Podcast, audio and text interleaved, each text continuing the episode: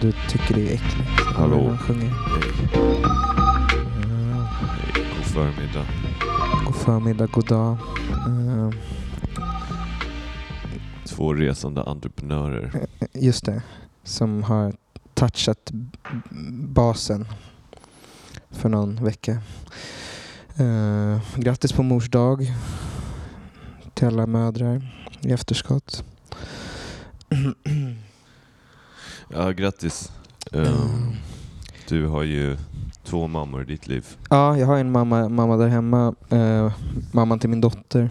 Eh, och det var så skönt för jag, eftersom jag var på resande fot, vilket kom in på det sen, så, men jag hade ju jag hade inte riktigt fixat någon present till min fru. Men det löstes för att den så här, väldigt trevliga men halvgalna elallergiska tanten vi ska byta lägenhet med hade lämnat en påse eh, på, på vår uteplats eh, som min fru hittade igår morse. Och i den var det bland annat 1500 kronor i sedlar. Det är nästan lite så här, eh, kriminell vibb Ja, på det där. också kul att det var det och så var det två så här, Starbucks cappuccino, eh, fem mandariner, en mango och tre 500 lappar. Nice. Och ingenting eh, elektroniskt. In, nej precis, det var väldigt elfri påse. Men det, det var en perfekt goodiebag för en, en mamma i karriären. Liksom. Eh, jag tror att, att det var lite att hon ville m- muta sig till våra utemöbler. Och jag tror att hon, vi kommer lämna dem nu. Så att hon får vårt parasoll för det. Typ. Nice. Mm. Ja. Vad, vad gjorde du på mors dag? Jag reste Mm. hela dagen. Var har du varit någonstans? Jag var... eh, Det var hej. Tja. Eh, jag var... Hej Linn. Hej. Hej Linn. Hej, kul att se Är jag förväxlar med, med författaren Lynn eh, Hejinian? Eller Taulin. Ja, just det. Eh, eller Lina eh, Knausgård Just det. N- Numera Lina Bo, Bo... Ström. Bo... Bo... Bo Widerberg. Bo Widerberg. Ehm, får man se vad du köpt? Har du varit och handlat? Ja, jag tänkte dra dit sen. Är det helt slut eller? Nej. Vad fin. Ah. Någon sorts uh, Ja, fin. guldlamé-dress. Eller vad ska man kalla det? Kamelsenap. Ja, guld är helt fel. Men jag är lite färgblind. Fint. Jätte, Ja. Jättefint. Känns som en eh, lite extrovert uh, Linn-stil. Ja, det är bra. Vi ska gå på så Starsky Hutch temaparty. Förlåt. Ja, Just det. Fint. Otro- Ehm, Otroligt oj, bra shit. köp. Ehm, Eh, jag var ju så, det visar ju på hur liksom, medveten jag är. mm. Eller liksom hur med i livet jag är. Först trodde jag att jag skulle åka till Holland. Du sa Bryssel en gång. Ja, och sen Bryssel. Och så visade det sig att jag ska flyga till... Jag bara, åh shit, jag måste upp tidigt. Så bara, Mm. jag ska flyga från Bromma flygplats. Ja. Det här är ju en eh, klimatkompenserad, eh, ett klimatkompenserat förlag. Förlag, ja precis. Vi, Så vi har löst det där. För varje bok vi säljer eh, donerar vi alla Ja. de pengarna till eh, Jonas Gren. Ja, men exakt. Det var därför jag flög till Köpenhamn. Liksom. Jag brukar ju Någon ta slags- tåget för några år sedan. Men... Någon slags blot. Mm. Ehm, det heter väl så. Ja, det är ett blot ja. Precis. Eh, men det visade sig att jag skulle till Antwerpen, vilket kändes helt plötsligt så rätt kul för jag har varit där förut och jag tycker om Antwerpen. Men är, jag helt dum i huvudet eller ligger det i Tyskland? Nej, det ligger i Belgien. Okej. Vad sjukt. Det är så Mm. roligt. Eh, Jag har ju liksom... Jag, var, jag, har varit mycket, jag har varit mycket i Belgien. Jag har varit i typ varenda stad som finns i Belgien. Är det så? Det är typ Bryssel, Gent, Mm. eh, Bruges, Breda och Antwerp. Okej. Jag har varit i tre av de fem städerna. Mm. Men Antwerpen är nice. Alltså det är så väldigt, en väldigt fin stad. Det känns lite som typ Paris. Liksom. Just det. Ehm, superfina små eh, väg, liksom gator och torg och sådär. Det är, det är kul med ett land vars, vars eh, nationalrätt är pommes frites. Det är kul. Det är roligt. Eh, Det är som att vår nationalrätt skulle vara skagenrör. Men, men är den också jättegod där? Pommes fritesen? Det är bara pommes. Liksom. Ja. Okej. Käkar du pommes? Ja, jag gjorde det. Ja. Men jag åt också någon här grov... eh, grov eh, så jag spelade för någon klubb, det gick Ja. jättebra och sådär. Och så finns det ju, jag var ju liksom inte så sugen på att umgås med... Det, det finns ju alltid någon slags social kod Mm. som man måste förhålla sig till när man är ute och reser. Så. Ja, när någon har bokat den till ställen. Precis. Ehm, men ju längre man håller på, ju mer man inser att man helst av allt bara så här, inte vill umgås med någon. För Mm. att det är så här ett socialt arbete som så helt, helt plötsligt krävs av en. Uh, ska man lära känna en snubbe och hans tjej typ. Ja. Det förstör en potentiellt trevlig ensam fylla i en eh, stad man inte brukar vara i. Liksom. Ja. Ehm, men det gick ju bra ändå. Vi gick och käkade på någon restaurang som låg vid eh, gamla hamnen i Antwerpen. mm. som var, kändes som en sån här, alltså den var rätt sjuk. Man går in, så, så ger man jackan till liksom eh, the maitre d, eller vad det heter på svenska. Hovmästaren. Jag trodde det var så dominatrix, Nej, att det nej. var en sån restaurang. Nej, Nej. okej. Nej. Hovmästaren, okej. Och så, så har de en så här, en dörr, Ja. en så här dubbeldörr, du Ja. vet. Och sen så liksom så här öppnade hovmästaren så dubbeldörren som i en film. Fan vad klent. Och så kommer man in så är det så här, en restaurang på tre våningar med så trappor på sidan.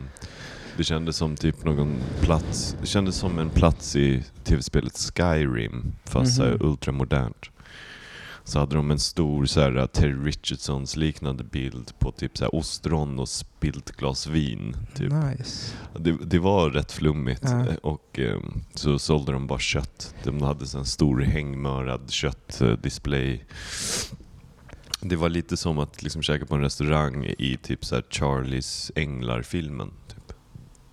Mm. Men ja, det var, det var kul. Fan, det hade varit kul om hovmästaren hade tagit era jackor i en sån hov. Du vet, en sån här, så här stor fiskarhov typ.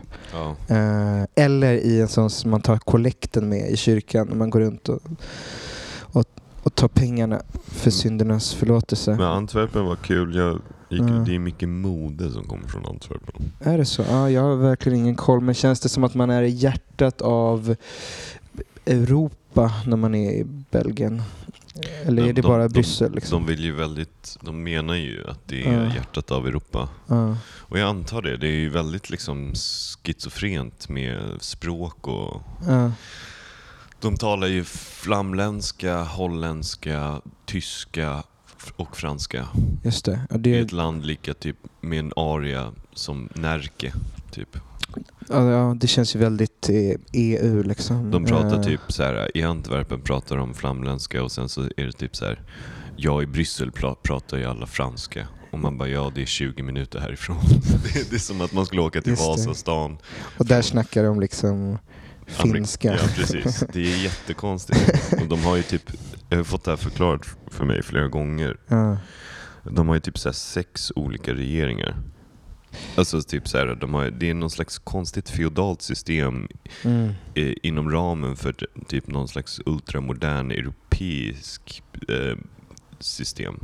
Det låter som en så här våt dröm för en, en kille som läser typ internationella relationer som extra kurs på gymnasiet. Det är därför liksom sätet är i Ja, Belgien antar men det är som sådana som så här gick på Viktor Rydberg och typ så här åkte på så live där de satt i så här FNs delegation typ. Och nå- någon, någon kille var, var NATO och någon annan var Kofi Annan typ. Ja, just det. Eh, fan vad cleant. Ja men, det, ja, men det var nice. Jag gick och beställde en öl. Ja. Go- Gott öl kan jag tänka mig. ja, det var ju Finns. gott. Nu när Ja. man börjar gilla lite sån här eh, konstig öl igen. Lite sån här bl- blond öl. Blond öl. Jag beställde en öl. Jag bara, den här var riktigt god. Ja. Så, så här, drack jag, jag beställde en liten sån. Ja. Jag bara, gud vad...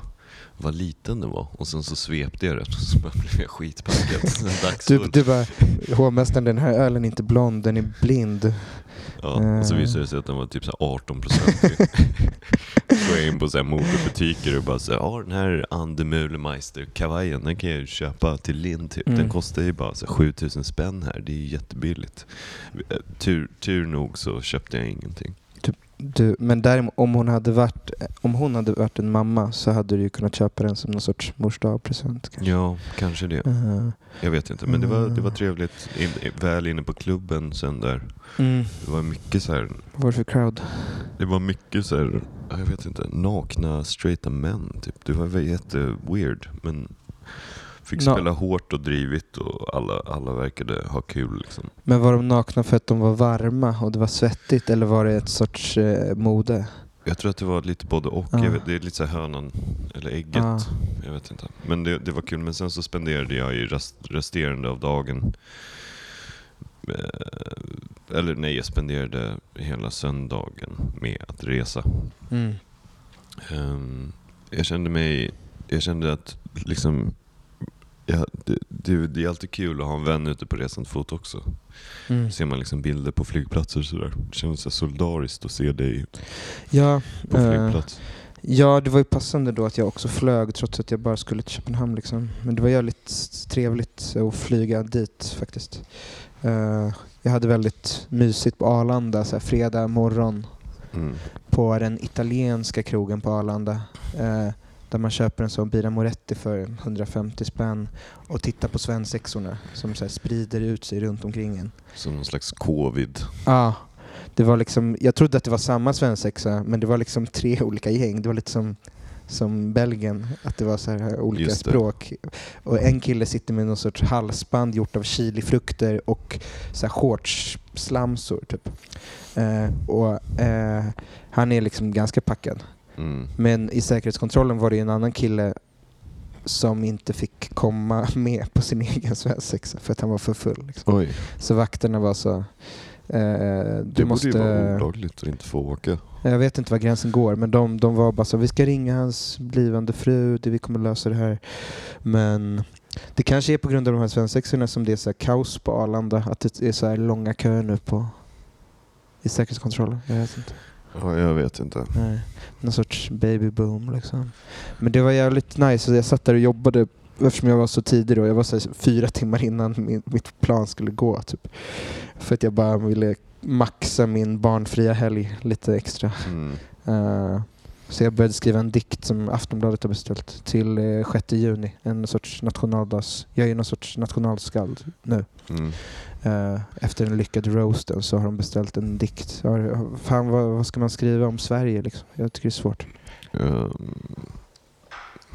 jag vet inte. Nej. Skriv om uh, Tore Wretman. Det är ganska svenskt. Mm. Eh, men vad- om jag testar min Om idé... hamburgare. Och hamburgare. För det tänkte jag på på Arlanda, för där har de ju så här en stor Max-restaurang, Mm. för det är ju det svenskaste snabbmatsföretag som finns. Och det är ett väldigt moderat företag. Ja. Och så är det en här kvinna i folkdräkt som, som på en stor bild som äter en hamburgare och så skrattar väldigt mycket. Jag tänker att det finns några saker nu som har blivit otroligt svenska. Ja. Det ena är ju hamburgare, Hamburgare. hiphop Ja. och strumpor. Happy Socks. Precis. Och Happy Socks är på H, för dikten hamburgare, hiphop, Happy Socks. Ja. Det är, ju- Perfekt. Det är ju tre, tre väldigt svenska grejer. Där har som, jag ju dikten. det var som när jag och min vän under en inspelningsvecka gick och käkade lite mat efter Ja. Studio Vistus. Så gick vi in på någon nybörjarrestaurang på, i Aspudden. Konstig grej, en liten, ett litet Mm. sidospår. Det finns ingen bar i Aspudden. Nej, jag vet. Det, det finns ingen riktig bar i Aspudden. Det finns en indisk restaurang. Jag vet, men det säger ju en del om det där jävla området. Alltså om, om det inte finns en bar Ja. i närförort, Det är lite då det är suspekt. get out-stämning på det. Ja, verkligen. Mm. Det finns en sån napolitansk pizzeria och Mm. en smashburger-restaurang. Mm. I alla fall, vi gick in på den här smashburger-restaurangen. Och där har de väggmålning. Där apan från Lejonkungen. Du vet Mm. den där scenen när han håller upp Simba och alla djuren är så här. Ja, ja, Rafiki. Precis, Rafiki håller en smashburger i handen istället för Simba. Och då kände jag så här, det här är ju nya Sverige. Det är, det, det, det, muralen som beskriver liksom det som hände med folkhemmet. Fast, ja exakt. Så här, ni kanske inte får en dräglig pension eller typ så här, eh, nice arbetstimmar men ni får fan mig en smashburger. Ni får en smashburger som ni kan äta eh, när ni har på er era Studio Barnhus Happy Socks. Liksom. Det är perfekt. Gå på daytime session. Ja, ja men det är bra. Uh, nej, men för jag hade tänkt att dikten skulle vara i formen av ett, så att, ett tal, typ. eller en intervention. Ja, någon slags tal till nationen. Ja, alltså, så att jag behandlar Sverige som, jag säger så här, du, komma, Sverige. Alltså att Sverige är... Just det. Men då borde du Ja. typ spela in en sån här fet video, gå till guldrummet i op- liksom på operan och så här filma en sån eh, video där du sitter still. Det är bra. Ehm, alltså att man skapar något slags mänskligt stilleben. Just det, som att det faktiskt är ett tal till nationen. Precis. Det vore ju snyggt. Då kan jag också lägga till på fakturan om Aftonbladet också får publicera som en vlogg. Liksom. Ja, Eh, är eller så, jättebra. ja. Men det är smart. Men jag tänkte också att halvvägs in i talet så, så, så förstår Sverige då att, att det här är inget hyllningstal utan det här är en intervention. Ja, Typ som man samlar någon för att säga åt den att den ska sluta knarka. Liksom. Just det. Eh, men vad är det Sverige ska sluta med? Bara vara så jävla lame kanske? Jag vet inte. Ja, jag, jag vet. Du kan ju dra halva talet på så här engelska. Alltså kul. som barn pratar nu för tiden. Just det, jag- någon sorts eh, lingo, någon sorts... Eh, eh, alltså om, om Kemiri hade skrivit ett öga rött idag så hade det ju inte varit på hans eh, egen byggda, inom citattecken, eh, blattesvenska eller vad han, vad han nu kallade det då. Ehm, Det hade, den hade hetat eh, Ett öga red. Ett öga red, ett, eh, ett TikTok-öga Ja. eh, red, eh, en svensk tiger. Eh, ja mm. men det låter ju spännande. Mm, ja, jag ska bara skriva klart den du där satt skiten. på Arlanda och skrev en dikt. Exakt, the story of my life. Eh, har ni hört den förut? Uh, skrev lite sköna skämt också så, om NATO-tårtan och Makode Linda och sådär. Men nej, sen så var det ju i Köpenhamn va? Det var ju underbar, underbar fredag i Köpenhamn. Ja, jag kan tänka mig det. Uh, första jag gör är att gå in i politikens bo- boghandel. Paludans bogahandel. Ja, jag gick förbi några boghandlar och det är dels kul för att det ser ut som böghandel. Eh, någon sorts trafficking. alltså, man går in och kollar om man kan köpa Kristoffer Garplind typ. Eh, det hade jag gillat. Ja. Men eh, icke. Nej men jag gick ju in i första boghandel för att se om, de- om de sålde min bok då. Men den Din hade inte bok. nått Den hade inte nått hyllorna än. hyllorna än. Eh, men den fanns. Så istället köpte jag Mikael Strunges samlade dikter som var någon sorts 800 sidor diktsamlingar. Liksom. Det är en stor eh, förebild för mig, Mikael Strunge. Han, han, var ju, han var ju clean och tog sitt liv också. Eh, Ja. vilket vi har misslyckats med. Men eh, så satt jag med och beställde så rödspätta på rågbröd i saluhallen och ett glas vitt eh, och kände mig som eh, en lyckad person i några timmar. Skönt. Tills jag gick till mitt hotell, Ibsens hotell, eh, efter, döpt efter Ibsen och eh, ber om mitt rum och inte finns då i deras databas. Så då fick man känna sig som en idiot i några timmar igen och så försöka lösa det. Men det löste sig. Jag hade kul. Det gick bra. Eh, Gick du och såg eh, eh, Tack alla Mm, det var någon sorts eh, chartrat tåg från Göteborg som bara råkade åka dit på lördagen. Jag hade inte planerat det men Reptilhjärnan hade release för ett fanzine. Claes Eriksson, konstnären som har gjort mycket så huligan inspirerad konst kan man säga. Halsdukar och typ bengaler är väl hans material. I don't know. Men det var lite sjukt att gå in på Vegas bar och så istället för att det är så coola danska kids så är det eh, tio idioter från Göteborg Mm. eh, som eh, har jättekul men det är verkligen så ett internt event. Så Vida Lavén står och dansar till Concrete and Clay på 100 000 decibel. Eh, och det var, ja, det var lite en surrealistisk liksom, eh, detour i min poesihelg i Köpenhamn. Liksom. Det var rätt klint. Isak Sundström spelade ju en 30 minuter lång cover av Bee Gees Staying Alive som tydligen ska varit fantastisk. Eh, Nice. Men eh, då läste jag så jag gjorde någon slags hj- hjärt och lungräddning. Ja, exakt. Det är den, ja, just det, det är den man kör. Ja. Har du gått sån kurs? Jag tror att jag minns någon slags eh, em, obehaglig överkropp av plast. Mm. Den känns ju nu... Alltså nu om man går en sån kurs kan man inte ta den på allvar för det känns som att man ska liksom göra mun mot mun-metoden med en skulptur av Clara Zetterholm eller något. Alltså den typen av... Av Anders Krissar. Ja, det är liksom... Ja, någon sorts plastinflation. Är det någon som har sprutat majonnäs på Mona Lisa? Jag vet inte, jag såg eh, eh, Ali Alonso dela något i någon story och blev glad om det är sant men det, det borde väl vara en större nyhet i sådana fall? Ja, eller? jag tänkte, tänkte också det. det hade ju varit helt jävla sjukt. Var det sist vi Eh. pratade om att Leonardo da Vinci bara här lite kritik när han målade Just det. Mona Lisa? Du hade en sån bra, precis, om man hade skulle tänkt som en samtida svensk litteraturkritiker Ja. och bara, men alltså jag hade ju önskat om du var lite tydligare vad det så. så. Det, var, det var kul. det är så här, det är så dålig gestaltning för den är ambivalent. Eh, Ambivalens är ingenting som är högt i kurs nu. nej. Man måste vara typ så här Bill Gates Ja. för att kunna vara ambivalent. Typ. Ska vi dra igång någon ny typ av kryptovaluta som... som Ambicoin. Ja, Ambicoin. Ja. Exakt. Uh, am, Är det Am- bra eller är det dåligt? Jag vet Ja. inte, men köp det. Känns ju i och för sig som krypto generellt, jag vet inte. just det. Jag tänkte på namnet Amber, alltså inte bara på grund av Amber Heard, men hette inte en av gladiatorerna Amber? Alltså om du minns svenska gladiatorerna, jag tror Jag vet det. inte. Det, det har ju... Amber är en färg. Okej. Det, är- det är färgen som eld har. Vem- Alltså, Eller? de- Ja, Eller jo, the, the am... ja. äh, jag vet inte nu. eh, burning like Amber, ja, nej. Eh, Okej, så Köpenhamn var en, en lyckad resa. Alltså både ja och nej. Jag ska ju säga så här, det var inte den tuffaste poesifestivalen jag var inbjuden till om man säger så.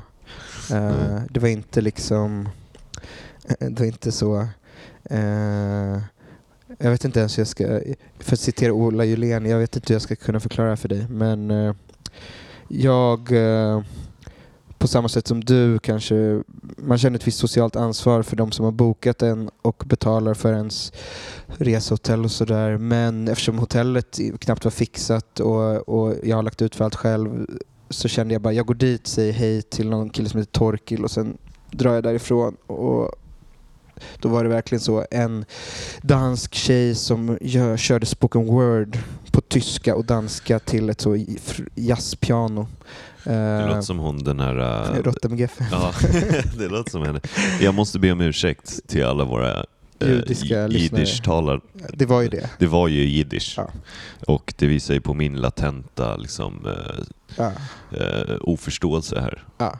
Men eh, jag tror att eh, den ursäkten Det är vatten under broarna. Ja, exakt. Man, man, man, man gör sitt bästa hela tiden. Okej, men så Eh, hon körde någon slags poetry Ja, och det var liksom inlednings, eh, den stora inledningskonserten på hela festivalen och då kände jag okej det är en sån här typ av grej och det sitter några tanter och gubbar här eh, och några barn men de är bara här för att de jobbar. Så jag var där och tog någon sorts broschyr som de har tryckt upp då där de har tagit utan att fråga mig Eh, vilket är fine, jag bryr mig inte så mycket om min poesi så. Men de hade tagit så här, fem år gamla dikter och översatt till danska i en broschyr.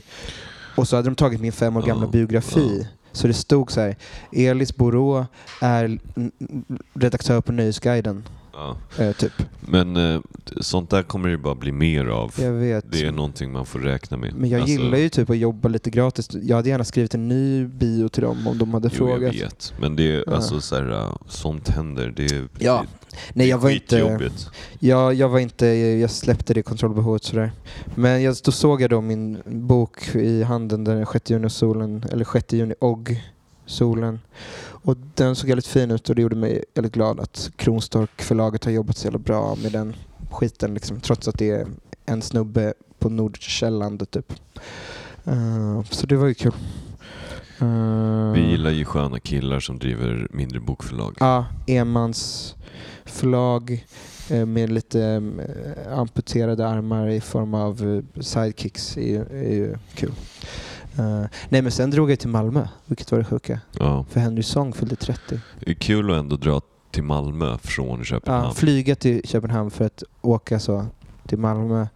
Och där var det ju en toppenfest för, för Henry Song, 30 år. Grattis! Sveriges yngsta 30-åring. Ja, det känns verkligen så. Det blir lite obehagligt när han pratar om sig själv som ett barn på Twitter. Eh, eh, du kan göra det max ett år till Henry, men annars kommer det kunna bli någon sorts jobbig grooming. Situation. grooma, ja, någon slags eh, spe, spegel-grooming. Ja, precis. Han groomar sig själv Ja.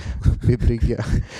Du, du är värd mer än så, Henry. Eh, men eh, Jag, tror nej. att, jag tror att när man, när man slutar kunna gå ner i brygga, Mm, alltså här, naturligt, mm. då får man inte kalla sig ett barn längre.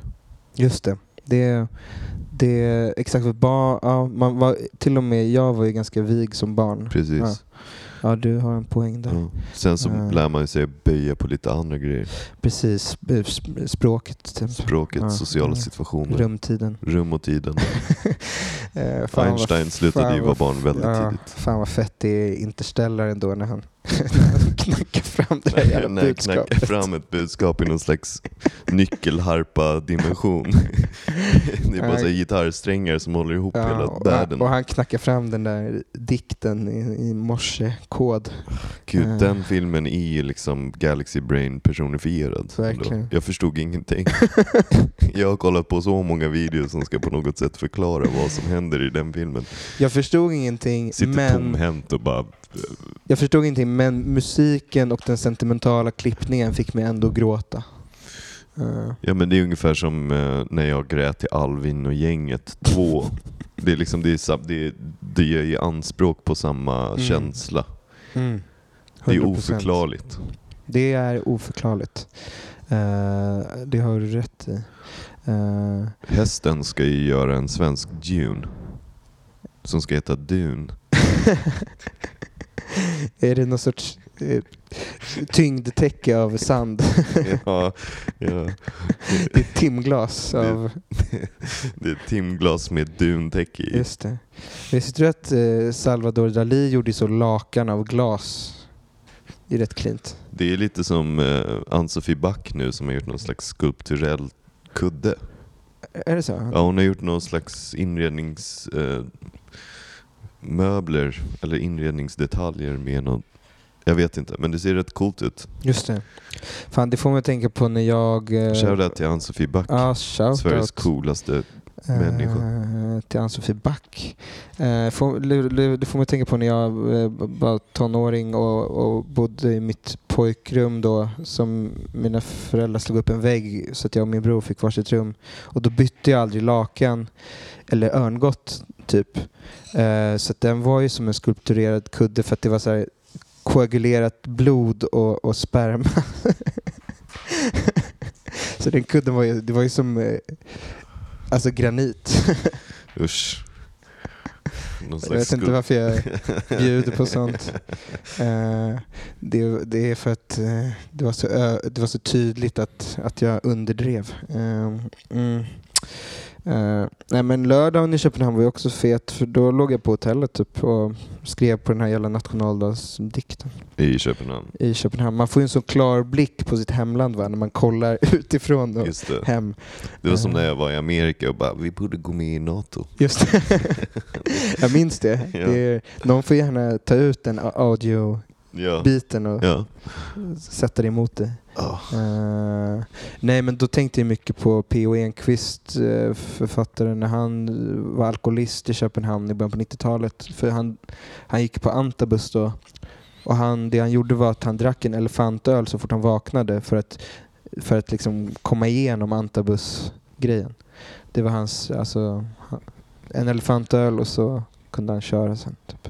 Jag tycker det låter lite Galaxy Brain. Jag Ja. förstår inte riktigt. Antabus ska ju göra att man mår illa. Ja, men eh, han menade då att om man dricker, om man klarar att dricka några elefantöl och tar sig igenom illamåendet så kan han sen njuta av alkoholen sen på kvällen. Att Men då sorts- tänker jag så här, kanske sluta käka antabus då. Gör det lätt ja, det är en väldigt så självhatande eh, alkoholist. Det är som att försöka hoppa stavhopp Ja. utan den där staven man ska hoppa över. Just det. Och bara så, eh, det har ju funnits förslag på att man ska ta bort den och så att, att bara så en elektrisk mätare ska bara se vad kroppen, eh, alltså den som bara är högst upp. Typ. Just det. Men det, det tar ju bort lite spänningen kan jag känna. Ja, att man ska ha någon slags stav på the blockchain Ja, istället för en riktig stav. En sån, en, en laserstav. En laserstav. Ja. Duplantis är, liksom, kommer aldrig göra illa sig igen. Han får ett nytt smeknamn av Sportbladet som är så Lasermannen, slår Ja. nytt rekord. Så I, det i att hoppa högt. Snart kommer det börja komma sånt för att, eh, för att vi kommer bli så historielösa tänker jag. När, när nästa generation journalister kommer, de kommer inte fatta att Lasermannen har så dåliga konnotationer. Alltså det känns som att Det typ, redan eh, det finns någon här ny rappare i Upplands Väsby som Som- kallar sig själv för Lill Laserman. Ja, som är typ så väldigt antirasistisk. Ja. Typ. Ja. Eller typ Eh, bara så här, gillar rap eller Mm. någonting. På tal om stavar så såg jag när jag var i Köpenhamn på kvällen, mötte upp Astrid Grell och vi satt på, på någon sån skön bodega, spelade tärning. Då såg vi att Ruben Östlund vann Guldpalmen. Just det. Eh, det är en annan stav. Ja, för han har penis. Ja. Eh, Nej, du tänker på palmen. jag tänker på själva palmen. Just det. Ja. Eh, men för sen när jag skulle flyga hem då på söndagen, då ser jag Gunnar Elin, alltså filmjournalisten, ska ta samma flyg som mig från Köpenhamn till, till Stockholm. Och då tänker jag så här, har han varit i Cannes och sen ska byta flyg i Köpenhamn? Det känns ju jättekonstigt. Nej, Nej, det är vanligt. är det det? För jag hade en tanke då att han inte var i Cannes, att han var i Köpenhamn hela tiden och bara så fejkade att han var i Cannes. Vi kan. Det hade varit lite roligt. Eh, men jag vet inte. Jag försökte ta en sån smygfoto på honom men det var... Ja, jag är inte så bra på sånt. Jag är väldigt odiskret. Uh, som när jag försökte smygfota drottning Silvia. just det. Helt fel. En annan gång du också satt och grät, eller var det? Ja, Ja. åh herregud. Du var så rörd. Det var en fruktansvärd resa alltså. Jag Ja. hade känt mig så stressad och så rädd i hela mitt liv. Som när jag såg drottning Silvia. Mm.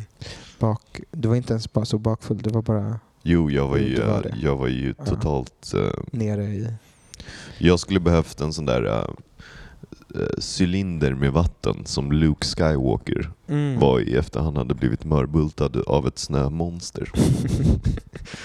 Istället fick jag någon slags flygplanscylinder och eh, Silvia var mitt vatten. En cylinderhatt. Mm. Jag, jag hamnade ju bredvid såklart mitt i ett, eh, ett gäng med packade eh, skånska svenska tjejer som hade varit på jobbresa i Venedig och druckit prosecco en vecka. Eh. Eh, men det var ganska, de var ganska trevliga eh, tyckte jag. Men jag märkte ju att andra runt omkring störde sig lite på att de var så högljudda på den här väldigt korta flighten. Mm. Men det som var nice var att en av dem var jordnötsallergiker och jag vågar ju aldrig säga till. Men hon, du kan, du, alltså gud vad hon sa till. Ja. Hon sa till så mycket så att flygvärdinnan Ja. blev arg på henne och sa så här: Det finns ingen luftburen allergi, du borde ha med din fucking egen mask typ. Och vi var bara så här, då, då fick jag mod till mig. Jag bara, du, jag är också jordnötsallergiker. Nice. Och nu fan ropar ni upp i, alltså jag, jag hade inte den Ja. pondusen men du fattar. Jag kände mig så styrkt i min töntiga allergi för att du var så här ett helt gäng som slogs för våra rättigheter. För att citera Daniel Adams-Ray, hon tog en kula för dig och fick Mm. en smula tillbaks. ja, lite så. lite så. Men de var toppen. Eh, Jag satt bakom en bodybuilder wow. som satt och klippte bodybuilder-videos på sin dator. Jag tror du skulle säga sina naglar. Nej, nej, han var ju extremt välansad. Ja. Otroligt obehaglig. Du vet när någon... Det ser ut som att någon, en så fullvuxen jätte till man, Mm. på något sätt behandlar sina ögonbryn som vi behandlar våra karriärer. Just det. Med så här otrolig intention och paranoia. Just det. Han, han såg så perfekt ut, men samtidigt så hade han typ han hade så iskallt blåa ögon Mm. och sen så hade han ett skägg som var som en, en, en, ehm, en, eh, en spets på något sätt, någon slags pil. Så var han liksom byggd som Shrek, Mm. eh, fast krall, liksom definierad. Okej. Och så satt han med sin dator eh, som såg ut som en liten Samsung i hans händer och så klippte så bilder på så extremt deffade kvinnor som stod och drack champagne. Alltså det var, Wow. det var, det var Wow. väldigt roligt. Och bredvid honom satt en, en pojke, en, en belgisk pojke Mm. eh, iklädd någon slags asian blackface. Han hade på sig sen Naruto bandana och han var utklädd till en animefigur. Det var, det var, Fan vilket gäng. ja, det var Eh, jättekonstigt faktiskt. Men det var, det var härligt. Jag köpte en sån där till blond öl På flyget? på flyget. Mm. Det är alltid kul med så här 33 centiliters ölburkar som väger eh, som, som ett kilo fjädrar. Just det. På Men- grund av gravitationen? Nej, på grund av att den är blond. ja, på grund av att den är blond. Alltså att det, ja. det är mer, alltså att det är typ mer kött i ölen än, än vanlig pilsner. Just det. Så köpte jag sådana där små testiklar med du vet sådana där testikel eh, salamis, du vet. Sådana små Mm. bollar Mm. som jag direkt, Den sofistikerade charken. ja, jag vet inte. Nej. Jag ångrar Jag, jag, eh, jag kände mig lite, lite alkoholiserad och pinsam när jag då hade druck, när jag skulle till Köpenhamn hade druckit de här två Bira Moretti med alla svensexor och sen gå på planet. Och du vet när man har tagit, druckit två öl och inte ätit frukost, alltså man mår ju rätt bra då på de här Ja, två ja. första bärsen. Eh, och så sitter man och lyssnar på Alex och Sigges podcast garvar jättehögt. garvar skithögt, kommer de förbi med serveringsvagnen. Flighten är ju bara så här 45 minuter och bara vill du ha kaffe? Jag bara har du gin och tonic? Så här, klockan är 10, 10 eh, eller inte ens det. Och han, han bara kollar på mig väldigt ömsint så. eh, Vi serverar inte det på så här korta flighter. Så jag. Ja, Men jag fick ut en Carlsberg på burk skönt. och en kaffe. skönt. Ja. Mm. Du, du beställde en kaffe också som någon Ja. slags blot. Exakt. Eh, jag tänkte att de två tog ut varandra. Eh, Ja. blandade. Det är lite som att sälja ett par byxor för 1400 dollar men Just det. donera 10% till afghanska kvinnor. Just det. Just det. Eh, det är exakt så.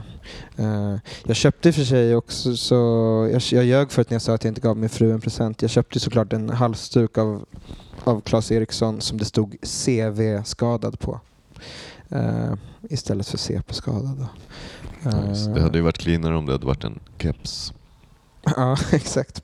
På tal om det vi brukar prata om. Eh, jag såg att eh, Ellerströms förlag, kanske då utan att ha lyssnat på podden, såklart delade eh, bilden på, på Ludvig Köhler med Duraskepsen som lades upp av någon anonym redaktör på Cyclepress Instagram.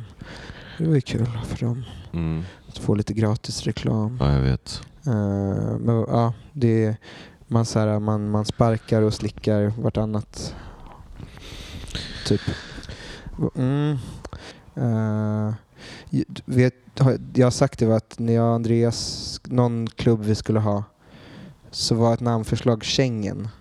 Men vi vågade inte ha det för att det kändes så himla fel på den tiden att ens liksom Alludera till Europa. alludera till Europa i, nå- i en sån... Det låter ju väldigt gulligt nu Ja. när det har gått väl, liksom, det, det där måste ju vara 35 år sedan Ja, alltså nu, nu är jag så oängslig att jag skulle kunna döpa en klubb till eh, eh, Lasermannen. eh, Ja, men alltså Mm. typ. För, att, för jag tänker att så här, folk skulle fatta. Men på den tiden så var det ju liksom The Knife gjorde eh, musikaler om No Borders. Liksom, så att, att döpa en klubb till Schengen om man gick på så latin var ju som att begå någon sorts socialt självmord, tänkte vi.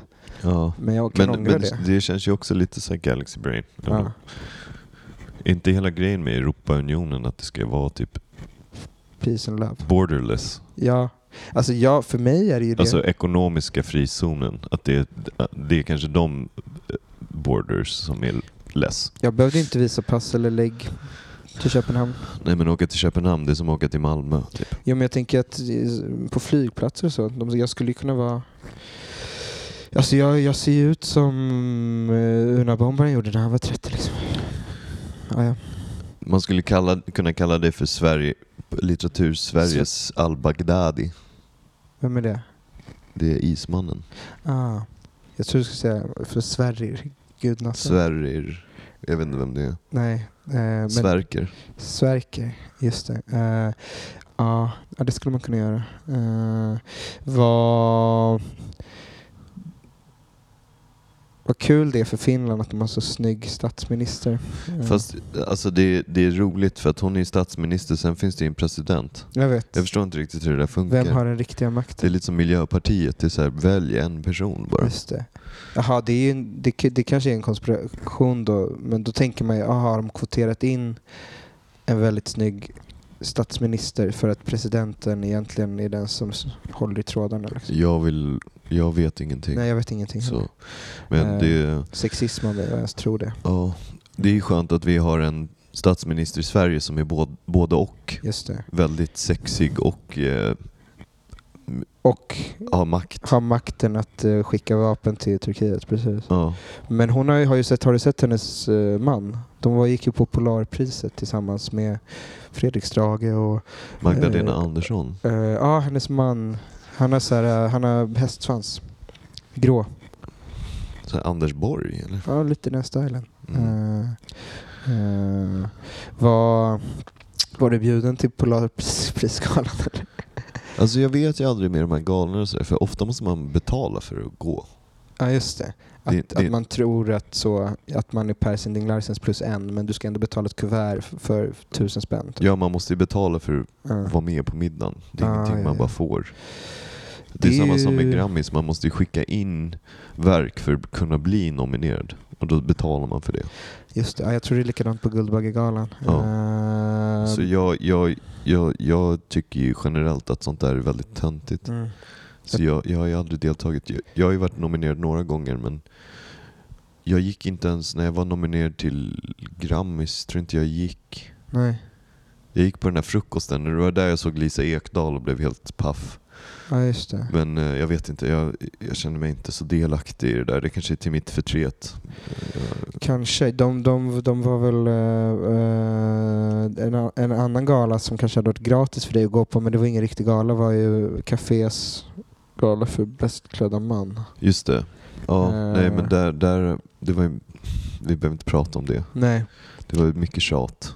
jag, jag är ju fortfarande eh, bitter för att jag... eh, Då ska jag, vi ändå säga att vi är två, det, här sitter två alumner från Sveriges bäst klädda män. Ja, vi var ju på listan på samma år en, en gång, Ja. eh, vilket var stort för mig. Då minns jag, det var året Daniel Hallberg eh, dog, eller på att vann. Eh, eh, och då tror jag att du var på så, plats 30 någonting, jag på 50 kanske. Du Ja, var ännu högre upp. Jag minns inte Eh. ens. Men jag minns då att jag eh, tyckte att jag var så kluven för att jag tyckte att det var coolt och töntigt samtidigt. Ja, eh, jag, jag, eh, Jag var smickrad och jag hade ljugit om jag hade sagt att jag inte var det. ja, nej, jag förstår mig inte på sånt där. Nej. Det känns oftast bara som en fest för, me, en, för medier på något sätt. Mm. Absolut. Eh, mm, nej, vi skiter i det. Eh, vad, vad, händer, vad händer i veckan? Eh, som vanligt, så mer än vad jag tror och sen så helt plötsligt så gör jag massa grejer.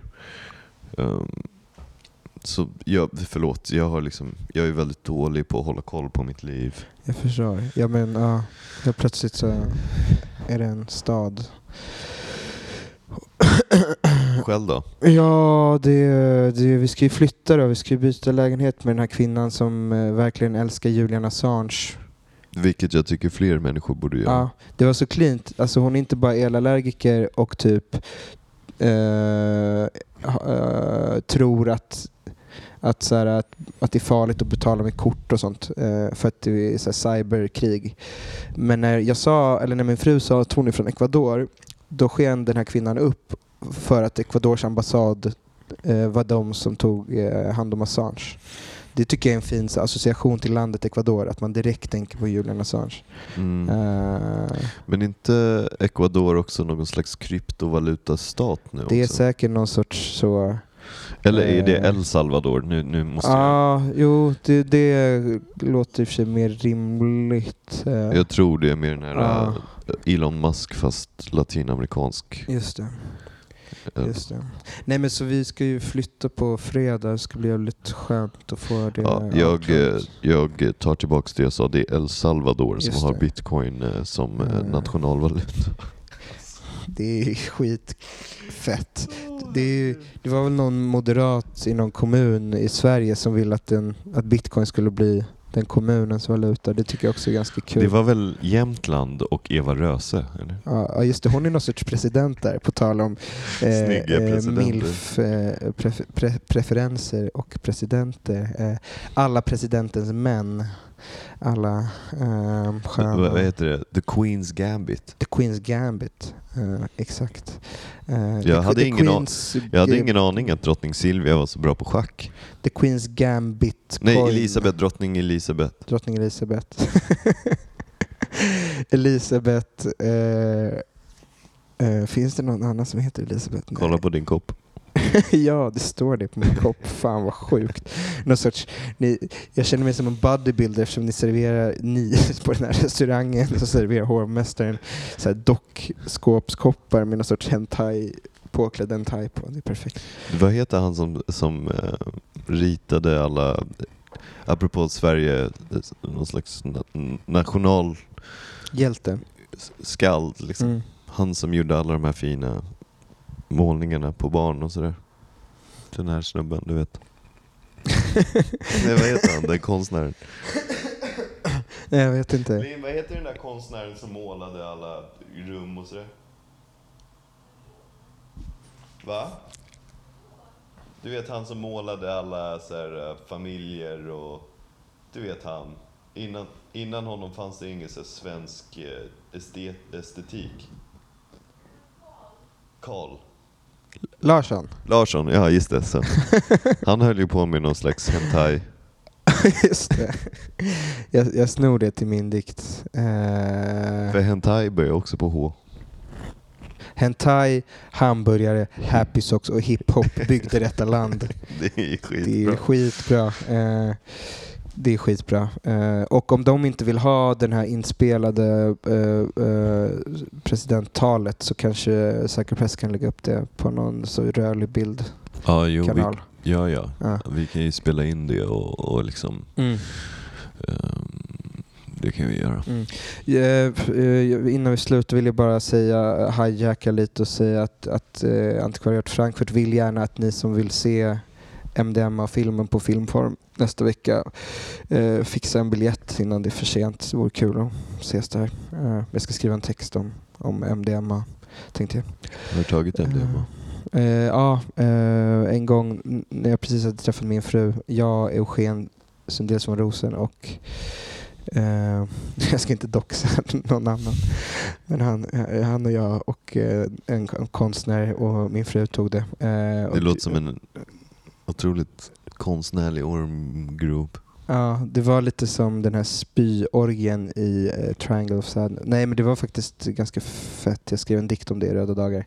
Att det var så nice att man spydde innan och sen... eh, mm.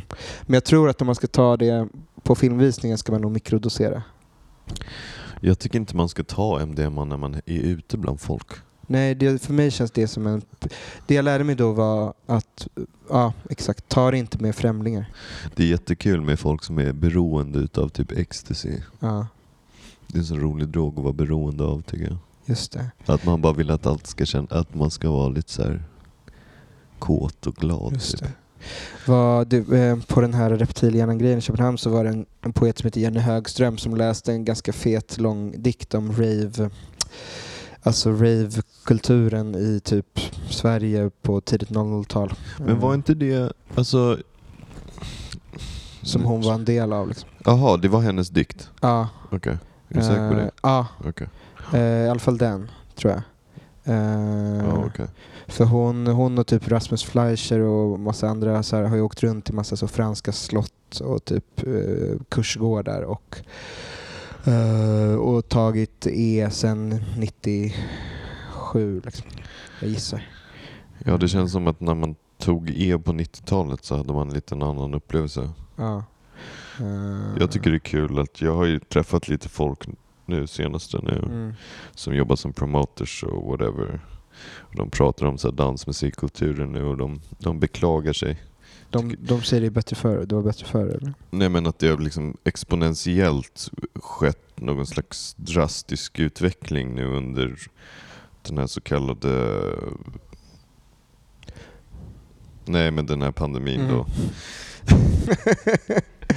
Eh, Kul att komma ut som så här anti... Oj, shit. Eh, Men eh, att de, att de är så här, ah, de bara spelar så hårt och snabbt nu. Och Mhm. Det är så roligt att tänka sig att det, det är någon slags... Ja men hur utvecklas det? Ja Mm. men det blir bara snabbare och hårdare. Det är kul. Det är... um, Eh, ja. det, det, det, det, det går inte att komma tillbaka. Det går inte att... Nej men det är någon slags det vill säga high-fen- high-fenograf Ah, med dansmusik. Det når sitt zenit vid, en viss, vid ett visst tempo och en viss hårdhet och så går det ner igen. Just det. Och sen så går det upp och så går det ner. Mm.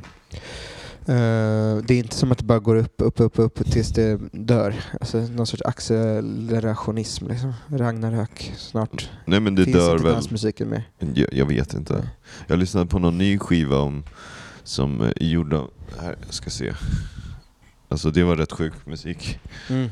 Någon slags ny så här, uh, master realm. Här.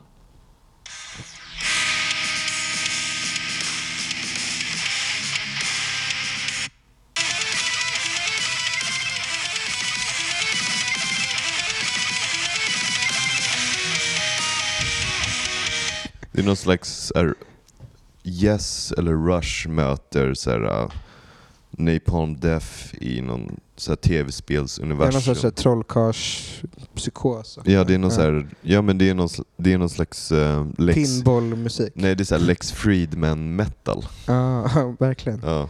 Och det där spelas på dansgolv. Nej, nej, nej, nej, nej. Nej, nej, nej. nej. nej, det, det är något annat. Det, det är något annat. Men jag tycker att det är roligt att den är så här, det är bara, och, och skivan heter Extraterrestrial Virus. Fan vad nice. A portal to the digital world. Fan vad nice. Vet du vad de säger i Danmark när, när någon snubbe eh, går loss på dansgolvet? Vad, vad han gör då? Nej. Han, han st- straffar golvet, säger de. Ja. Det tyckte jag var kul. Ja. ja, dans är ju som naturen. Dansk poesi. Dansk musik. Eh, en sorts renässans för danskmusiken. Eh, någon sorts trendrapport som vi kanske ska landa i. Någon slags vibbeskifte. Just det. jag slutar hålla på med sån där dansmusik. Jag håller på med dansk musik. Målet är att alla ska straffa danskgolvet. Så har, har du hört vad som hände med Babba Stilts? Ja, han, han, han, sysslar mycket med dansk musik. Bara gasolin och riktiga... Han och hans smörrebröder står nere på golvet och straffar danskgolvet. piskar och pissar. Eh, ja, eh, håll det käft. Eh, om, om ni lyssnar i, i Danmark så kan ni köpa 6 juni och solen. Danmarks nationaldag är tydligen 5 juni. Så det var någon eh, galaxhjärna som sa att de borde översätta den till 5 juni och solen. Just. Eh, men jag skriver ju inte om Danmarks nationaldag så det blir så jobbigt. Så. När man väl börjar peta så måste man ju så peta upp allt som ett sår. Liksom. Just det. Um, ja, eh, ska, eh, vi, eh, nej, ska vi säga så kanske? Nej, jag försöker dra ut. det är kul. Jag tycker det är så mysigt när vi är hemma hos dig. Jag funderar på att gå till den här utförsäljningen som, som Linn var på sen efteråt. Eh, den har ju öppnat för allmänheten. Jag kanske kommer med dig. Ska du dra med dit eller? Kanske det. Jag, jag vet att Linn vill ha sin privata arbetstid. Eh, så vi, eh, vi kanske drar dit och köper varsin kul kostym från kostymförrådet på Stadsteatern. Ja. Eh, Någon slags trollkarlshatt ja, kanske. det vore från, kul om de hade någon sån någon så här, äh, banandräkt. från, äh, från Djungelboken. Någon slags skynke för, för, för sköt, skö, skötesskynke. Men han som satte upp Djungelboken gjorde väl den som någon sorts dystopisk pjäs där, där det, djungeln är storstadsdjungeln på Plattan och Baloo är någon sorts boxare som är, Ja. eh, spelas av Leif André. Så vi kanske kan köpa så Så hiphop-kläder. hiphopkläder. Vi drar och köper hiphopkläder på Kulturhuset innan det är för sent. Eh, Det tycker jag låter som en bra idé. För övrigt så tycker jag att man borde börja hänga på Artes. Linn tog ju mig dit. Arktis? Artes. Artes? Alltså den här baren i Kulturhuset bakom. Ah, mm. Den är rätt nice alltså. Den är rätt nice, det är rätt i. Den är röd. Den är röd. Uh, röda rummet. Såg att de skulle flytta Rish, ett Rish till Södermalm och då tänkte jag att jag, att jag hallucinerade. Ja, det är någon slags vibe shift. ja. Vore det inte kul, på tal om det där belgiska språkförbistringen, om, om, om alla på Södermalm började prata så här rövarspråket? Nej men alla på Södermalm pratar ju någon slags rövarspråk. det är såhär, ja alltså det var så jävla mäktigt och så jävla nice vibe, vibes for days alltså. I'm having, I'm se- jag, det var så nice, I sent it, I, I full sent it. Ja. Typ såhär, Ja. Det är någon slags så här, RuPaul's dragracifiering av det svenska liksom, slangspråket. Mm. Att allting är någon slags Mm. det, det är någon slags queerbaiting som straighta PR-killar håller på med. Att de pratar som typ... Någon sorts jazzification. Ja, att, eh, eh, eh, jag försöker komma på något. Jag såg en printscreen från, från RuPaul, något nytt avsnitt där de bad om ursäkt innan avsnittet för att de så drog ett skämt om Röda torget i Moskva. För att de, det spelades in innan kriget startade. Det tyckte jag var en så rolig brasklapp för RuPaul som i övrigt är typ så världens minst PK Ja, eh, druga. Eh, ja, jag vet inte. Vad står K i för i P- PK. Kapten? Det, det finns ju ett skämt om, det, om PKK och PK som säkert har dragits tusen gånger. Eh, Ja, för jag satt och tänkte på när jag, Politisk knullkompis. jag reste så här och så tänkte jag så här. SKP, Ja, Svenska kommunistpartiet, Ja. tänkte jag. ja, Och så tänkte jag på CCP. Chinese Communist Party. Just det. Och så tänkte jag på CCCP. Just det. Vad är det? Eh, det var väl, eh, stod det inte det på typ eh, Sovjetunionens Ja. tröjor när de var med i typ OS? På, Vad betyder det? Jag vet inte. Jag hade en sån tröja när jag var barn. Ja, Eh. det är intressant. CCCP-podden. Just det. Programmet. CCC Press. CCC. Eh, no pressure, no future, no offense. Jag eh, kom på en karaktär när jag var i Lillehans galleria nu. Alltså lite som när du kom på eh, mannen som tycker du är bättre än mig för du har barn. ja, Den klassiska karaktären. det är det bästa du gjort. Men jag tänkte att jag kunde ge ett, en ny karaktär. Alltså tänk dig en, en så alk, parkbänksalkoholist, en väldigt, väldigt fattig alkoholist. mm. Men som tycker det är extremt viktigt att all sprit han dricker är så ekologisk och hållbar. ja, det är kul. Eh, för, att, för att det är kul om man går in på systemet och så eh, frågar efter eh, det mest hållbara. Jag tycker det är kul med, det finns en skatare nu Ja, som heter Eric Coston okej. som har gjort reklam för så här hållbar smartphone. okej. Och han är, han är en Nike ehm, idrottsman. Alltså hållbar som att man ska kunna kasta den i golvet? Nej, hållbar som är att den är soft liksom. Ah, Alltså, så. Jonas Gren får telefon. Precis. Ja. Men var, han, varje bild han lägger upp har en sån här nya Nike Dunks. Jag tycker det är kul att på något sätt vara en komplex individ. Ja. Ja, men det är lite som när vi eh, flyger. Ja, alltså Ja. jag har ju aldrig utgett mig för att vara något annat än en väldigt klimatorienterad DJ. Jag har ju en annan, en rolig grej bara. Ja, Eh, Jag satt på Ibizas flygplats ja, och så satt jag med en av de, en av de största DJsarna i världen. Av någon anledning har jag spelat med henne på massa olika ställen, konstigt nog. Jag kan liksom inte relatera till Nej. hennes musik och sådär. Men hon är väldigt trevlig. Men så satt hon och bara så här, ja jag donerar ju 10% av mitt gage till naturen. Liksom. Eh, Det är så brett. jag vet. Och jag bara, ja coolt. Typ. Jag gör inte det. Men Nej. sen nice. Ja. Hon bara, ja för jag flyger ju bara privat när jag måste. Men det är så kul bild att tänka att, att hon tar ut så 10% av gaget i kontanter, typ går ut i naturen och, Och bara gräver ner. Ja, gräver ner det som någon slags blot. Ja, exakt. För sen fick jag höra en rolig grej av en kille nu när jag var i Belgien som känner två DJs, två, två män då som är Mm.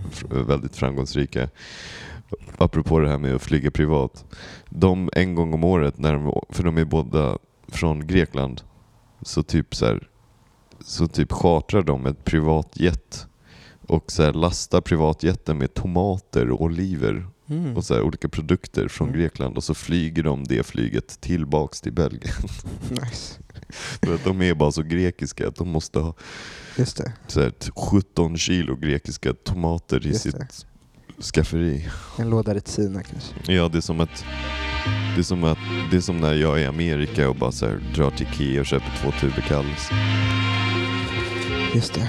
Och då är min kropp privatjätten och Ikea Grekland. Och tuben Kalles tomater. Exakt. Exakt så är det.